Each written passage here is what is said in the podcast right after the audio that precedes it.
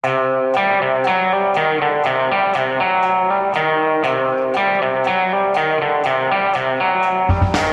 det en overdødelighet blant eldre som har fått koronavaksinen? Og i morgen slutter det amerikanske blodbadet. Dette er Gjever-gjengen. Det er tirsdag den 19. Eh, januar. Og uh, Astrid Mæland, det har vært Altså, er det 23 dødsfall blant eldre mennesker som har uh, fått uh, koronavaksinen her i Norge? Ja, det er det det er meldt om så langt, ifølge Legemiddelverket, som sendte ut en pressemelding om det her før helga. Og den tok jo rett og slett fyr. Jeg tror jeg kvakk litt. Jeg gikk rundt og hørte på en australsk podkast, var det plutselig nordmenn dør av vaksine, og det har kommet til USA, og det har vært i India og Filippinene, overalt. At det er fullt av folk som har dødd av eh, vaksinen i Norge.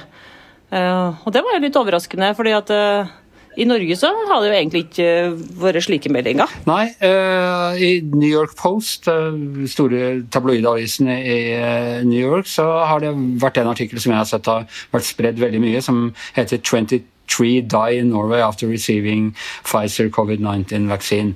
Eh, og dette gjør jo eh, at vaksinemotstandere sprer mye og får vann på mølla. Og jeg må jo si at det høres ut som et ganske høyt tall når vi hører, vet hvor få som tross alt er eh, vaksinert. hva vet vi om dette?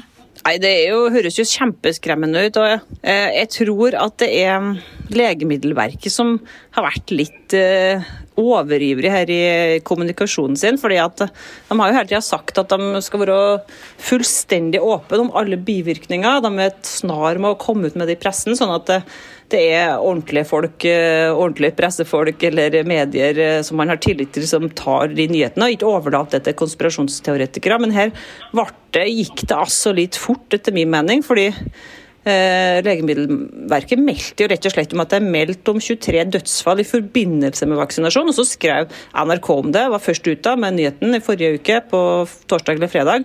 Skrev at Legemiddelverket knytter 13 dødsfall til bivirkninger av vaksinen. Og det er jo rett og slett helt eh, rett, rett, altså. Det er jo i hvert fall litt slik at um, de vet noe om, om de dødsfallene her skyldes vaksinen. Det kan like så godt være snakk om naturlig død. Det er jo sykehjemsboere, da, beboere, som prioriteres for vaksine i Norge først. Og I Norge så dør det jo folk på sykehjem hver eneste dag. Jeg tror det dør mellom 40 og 50 stykker hver dag. Um, så det er jo egentlig ikke en overraskelse at folk um, som får vaksine, dør.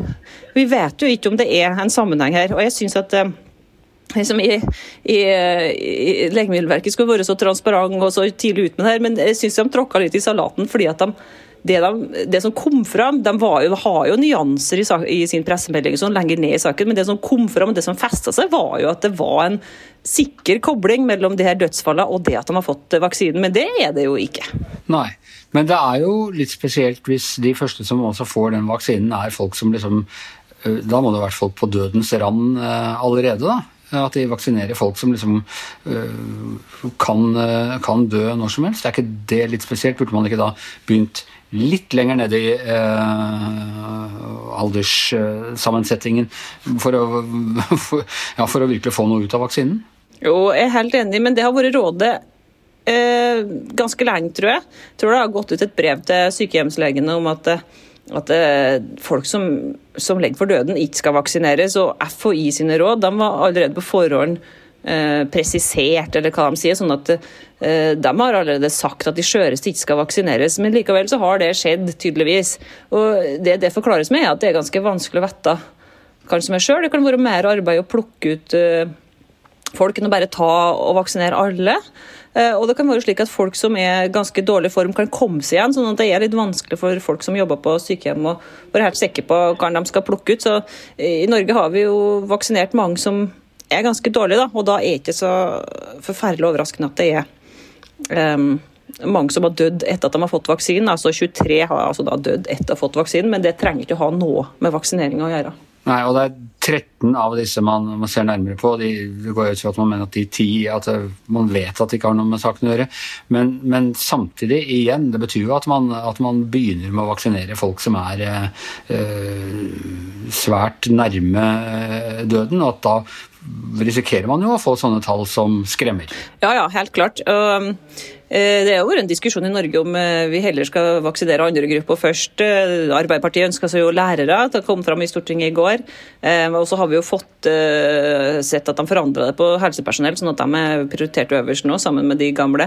Årsaken til at de har valgt død som kriterium, altså å forhindre død, er det viktigste med den vaksineringa nå.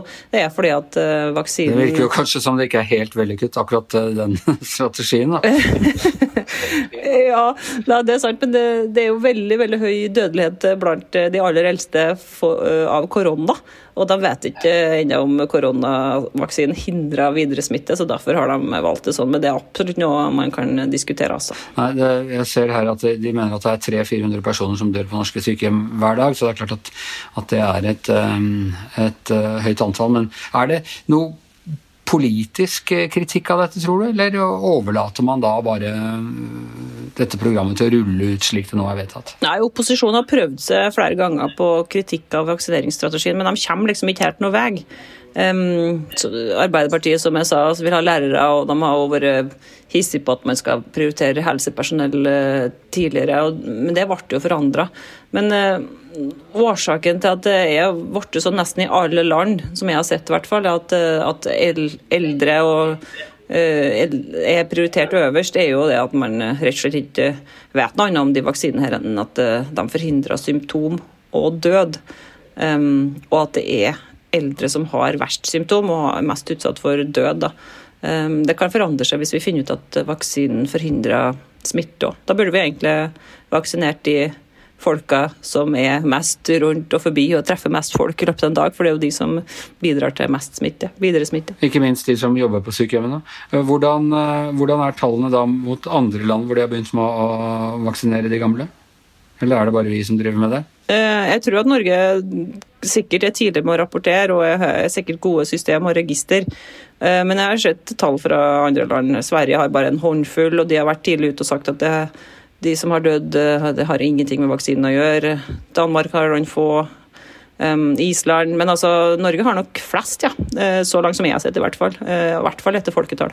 Og det er, det er ikke noen opplagt grunn til det? Ja, Det kan jo tenkes at det er noe med at eh, Norge har statistikk på nesten alt og er tidlig ute med å rapportere og har en strategi om at de vil eh, rapportere bivirkninger med en gang. Da. Det kan jo være noe med det. Kan også være noe med det er noen som sier at eh, det er forskjellig hvor mange folk som er på sykehjem versus sykehus. Kanskje i Norge er det slik at det er flere koronasyke som dør på, på sykehjem, at de ikke blir sendt på sykehus.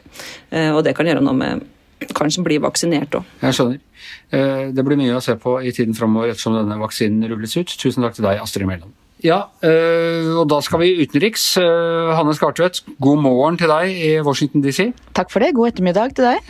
god ettermiddag. Du, øh, jeg sa i innledningen, og noen kan ha reagert på det, at det amerikanske blodbadet stopper i morgen.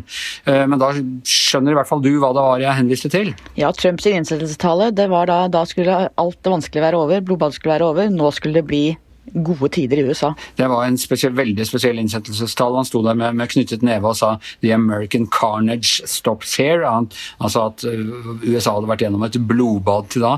Nå skal han stoppe det. Jeg husker min, Overskriften på min uh, kommentar den gangen husker jeg var 'Nå blir det mørkt'. Sjelden har jeg hatt mer rett. Det ble mørkt, men det ble jo ikke uten uh, Hva skal du si? det har vært nok å drive med for oss som har vært opptatt av USA i, i de fire årene siden.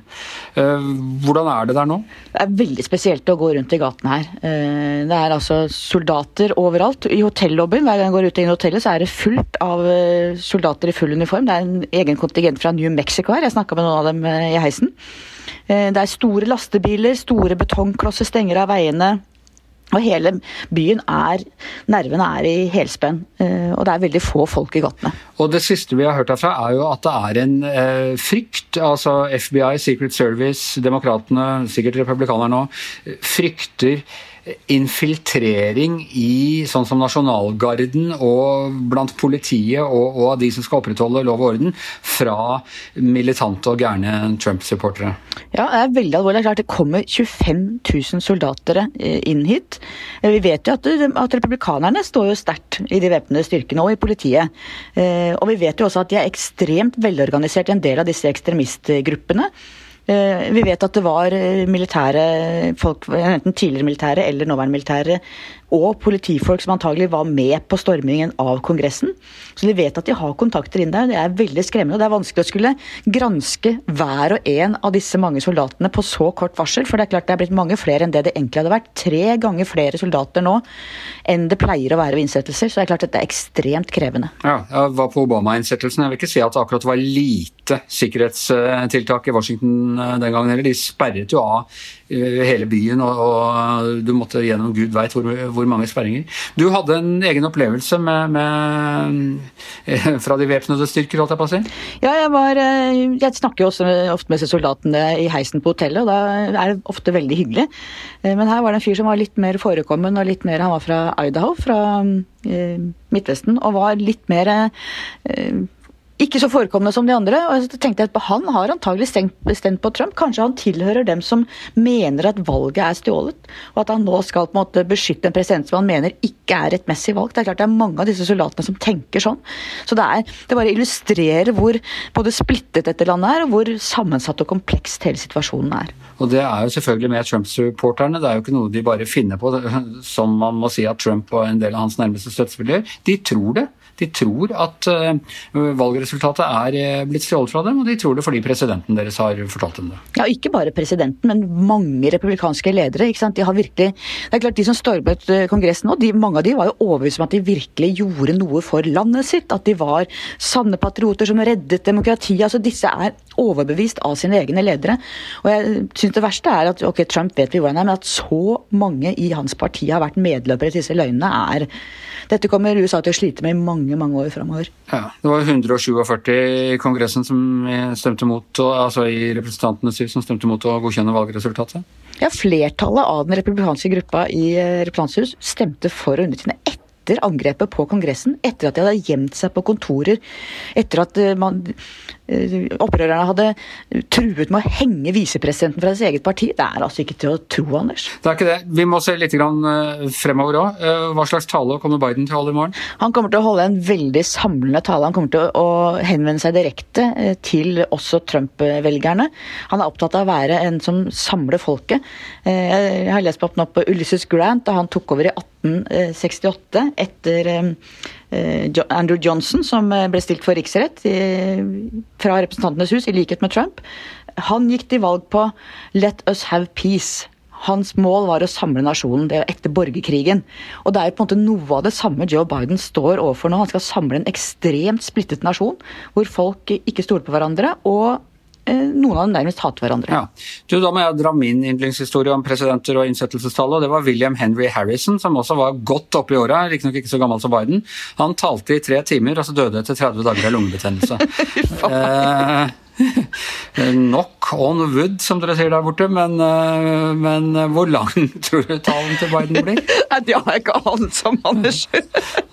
Jeg vil tro at Sikkerhetsfolka håper at den skal bli kortest mulig, for de vil ha han eksponert minst mulig på trappene til Kongressen, vil jeg tro. Vi får håpe at de har to meters avstand og, og munnbind, og at han har på seg noe varmt undertøy. i hvert fall, for det kan være, Hvordan er været? Det kan være veldig kjølig? Ja, det er ganske hustrig. Det er litt kaldt. Ja. Nå blir det jo langt færre folk på plenen foran deg nå som skal stå og fryse. Nå har de satt 200 000 små flagg på plenen der hvor det pleier å være rundt 200 000 mennesker. Så er det han kommer til å se utover, og så er det noen få mennesker der, selvfølgelig. Lite, hvis Trump hadde hatt tilgang på Twitter, så ville han gjort et stort poeng ut av at det kom mange flere på, på hans innsettelse. Ja, ja, ja. Ok, vi kommer til å dekke dette massivt i, i, morgen i VG i eh, alle kanaler.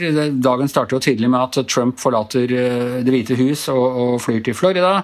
Eh, selve innsettelsen eller edsavleggelsen er klokka seks norsk tid. Vi lager selvfølgelig egen podkast etter det, så da kommer podkasten i morgen noe ja, klart seinere. Vi gleder oss. Det gjør vi. Det og håper det går bra. Vi håper, vi håper, det går bra de neste, ikke bare i morgen, men de neste fire årene. I hvert sitt hjemmestudio, Anders Giæver og Astrid Mæland, Hanne Skartveit i Washington og mannen som tar oss i ed hver eneste dag før vi får lov til å slippe til i, på podkast, er produsent Magne Antonsen.